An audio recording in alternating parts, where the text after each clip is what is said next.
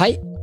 Velkommen til denne lille serien om arbeidsrett som Sparebanken Sør har utarbeida i samarbeid med advokatfirmaet Tofte i Kristiansand. De aller fleste av bankens bedriftskunder har en eller flere ansatte, og derfor ønsker vi, i en serie på tre deler, å belyse noen viktige temaer innenfor arbeidsrett. Vi har forsøkt å lage en slags huskeliste for, eller en påminnelse om hva som er viktig for en arbeidsgiver å være oppmerksom på i et ansettelsesforhold. Fra arbeidsforholdets begynnelse til eventuelt avslutning blir nødvendig. Dette er kun ment som en påminnelse, og om noen punkter som kan være viktig å være oppmerksom på, og det er ikke en fullstendig oppskrift. Men i arbeidsretten er det mange formkrav som må følges, og det er derfor viktig å minne om for en arbeidsgiver å være ekstra oppmerksom på. Mitt navn er Kjell Tore Omland. Jeg jobber i Sparebanken Sør som regionbanksjef for bedriftsmarkedet i Kristiansand. Og Med meg i dag, fra advokatfirmaet Tofte, så har jeg senioradvokat Elisabeth Finnsnes. I denne første episoden tar vi for oss temaene ansettelse og arbeidsavtale og prøvetid. Og vi starter naturlig med ansettelsen. Elisabeth, mm. hva er det viktig at en arbeidsgiver er oppmerksom på når han skal ansette en ny medarbeider? Når en stilling skal lyses ut, så er det viktig å ha en gjennomtenkt utlysningstekst. Den er, sammen med arbeidsavtalen, med på å danne rammen om arbeidsforholdet. Hva er det arbeidsgiver er på jakt etter, og hva er det en forventer av den som blir ansatt? Noen andre forhold som ganske opplagt er viktige, men som det likevel må minnes om, det er for det første sjekk referanse. Og avklar med søker før du ringer referanse. Og for det andre, sjekk CV, husk det. Avdekk eventuelle hull i CV-en og få en forklaring på disse. Det er lov til å ha hullet i CV-en, men disse hullene årsakene skal ikke komme som en ubehagelig overraskelse på arbeidsgiver. Og CV-juks må avsløres. Krev dokumentasjon på utdanning og erfaring. Og når du da etter en grundig referanse- og CV-sjekk har bestemt deg for en kandidat og skal inngå avtale, hva da med arbeidsavtalen? Hvordan må den inngås, og hva må den inneholde? Da må du som arbeidsgiver huske på at det skal inngås en skriftlig arbeidsavtale. Det er arbeidsgivers ansvar å sørge for at en skriftlig avtale blir inngått. Men hva skjer dersom det ikke inngås en skriftlig avtale? Det er sånn at Også muntlige avtaler vil være bindende. Manglende skriftlighet vil altså ikke gjøre avtalen ugyldig. Men mange konflikter kan unngås med en tydelig arbeidsavtale. Og tvil om innholdet i en arbeidsavtale vil fort bli tolka i arbeidsgivers disfavør. Arbeidsgiver får det en kaller bevisbyrden for hva som er avtalt. Ansvaret for uklarhet, altså. Og det kan òg legges til at en arbeidsavtale skal inngås uansett om det er snakk om en fast eller midlertidig stilling. Men hva er det da viktig at arbeidsavtalen inneholder, Elisabeth? Arbeidsmiljøloven inneholder minimumskrav til hva en arbeidsavtale må inneholde. Og minimumskravene skal fremgå ganske tydelig eh, og greit av selve loven. En kan følge den.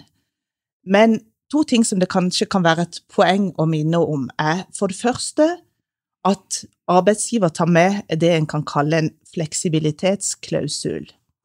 Det betyr at en tar med en formulering om at arbeidsgiver må finne seg i endring av arbeidsoppgaver og ansvarsområde, der virksomhetens behov gjør det nødvendig. For det er sånn at Arbeidsavtalen gir rammene for arbeidstakers plikter og rettigheter for det en kaller arbeidsgivers styringsrett, og det er viktig at disse rammene gir arbeidsgiver tilstrekkelig fleksibilitet. Og For det andre så bør avtalen også inneholde bestemmelse om prøvetid. Og hvorfor bestemmelse om prøvetid er så viktig, skal vi komme tilbake til. Poenget å nevne i denne forbindelse, når en arbeidsavtale skal inngås, er at prøvetid må avtales skriftlig i forbindelse med inngåelsen av arbeidsavtalen. Og I tillegg, dersom arbeidsgiver skal ha adgang til å forlenge prøvetiden ved sykdomsfravær, så må også dette være skriftlig avtalt ved ansettelse. Du understreker at prøvetid er viktig.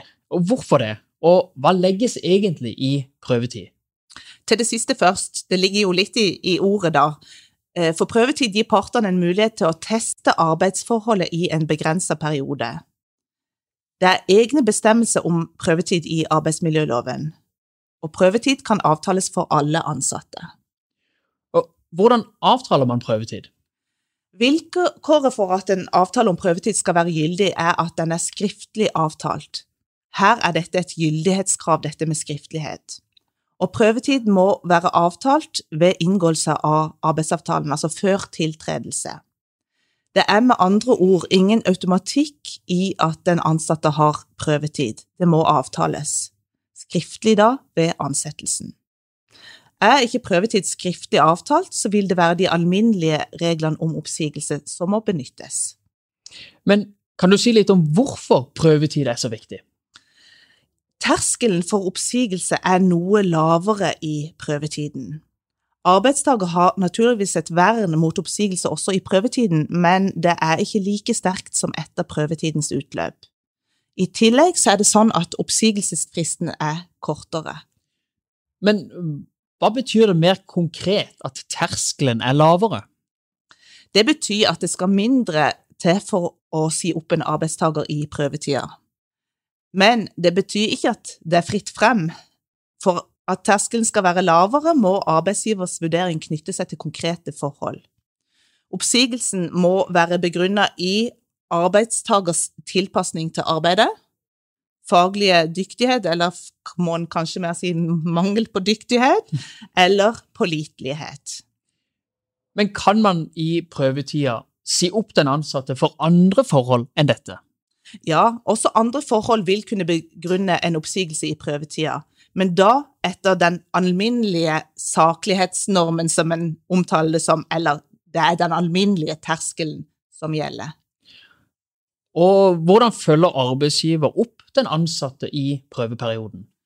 Det er et veldig viktig spørsmål. Mange arbeidsgivere svikter her, og det er viktig at arbeidsgiver bruker prøvetida godt. Hva mener du med det, at arbeidsgiver bruker prøvetida godt? Det er de færreste arbeidstakere som fungerer optimalt i sin stilling fra første dag. Det tar tid å komme inn i rutine osv. Det er behov for opplæring og veiledning. Og det er veldig viktig at en nyansatt arbeidstaker får den nødvendige oppfølging og veiledning i prøvetida. For dersom en nyansatt ikke har fått den oppfølging og veiledning som kan forventes, så følger det av rettspraksis at oppsigelse i prøvetida vil kunne bli ansett ugyldig. Arbeidstaker bør derfor ha en plan og et system for oppfølging i prøvetida. Og arbeidsgiver bør tydelig kommunisere forventningene sine. Det er også viktig at arbeidsgiver sørger for å dokumentere den oppfølging og veiledning som er gitt, og hvilke forventninger som Eh, er kommunisert til arbeidstaker. Sørg altså for god oppfølging og god dokumentasjon. For det er først når arbeidstaker på tross av opplæring og instruksjon utviser manglende tilpasning til arbeidet, manglende faglig dyktighet eller pålitelighet, som jeg viste til, at det er grunnlag for oppsigelse i prøvetida, etter denne lavere terskelen. Når det gjelder prøvetida, så kan den maksimalt være på seks måneder. Men hva hvis en arbeidstaker blir syk under prøvetida? Da gir loven en adgang til forlengelse av prøvetida, og to vilkår må da være oppfylt. For det første så må det være skriftlig avtalt adgang til forlenging ved ansettelsen. Og i tillegg så er det sånn at arbeidsgiver må innen utløpet av prøvetida skriftlig ha orientert arbeidstaker om forlengingen. Men hvordan er da prosessen dersom man må gå til oppsigelse i prøvetida? Fremgangsmåten er den samme som ved ordinære oppsigelsessaker, og det er viktig å være oppmerksom på. Forskjellen ligger i lavere terskel for oppsigelse og kortere oppsigelsestid, ikke i fremgangsmåte og formaliteter.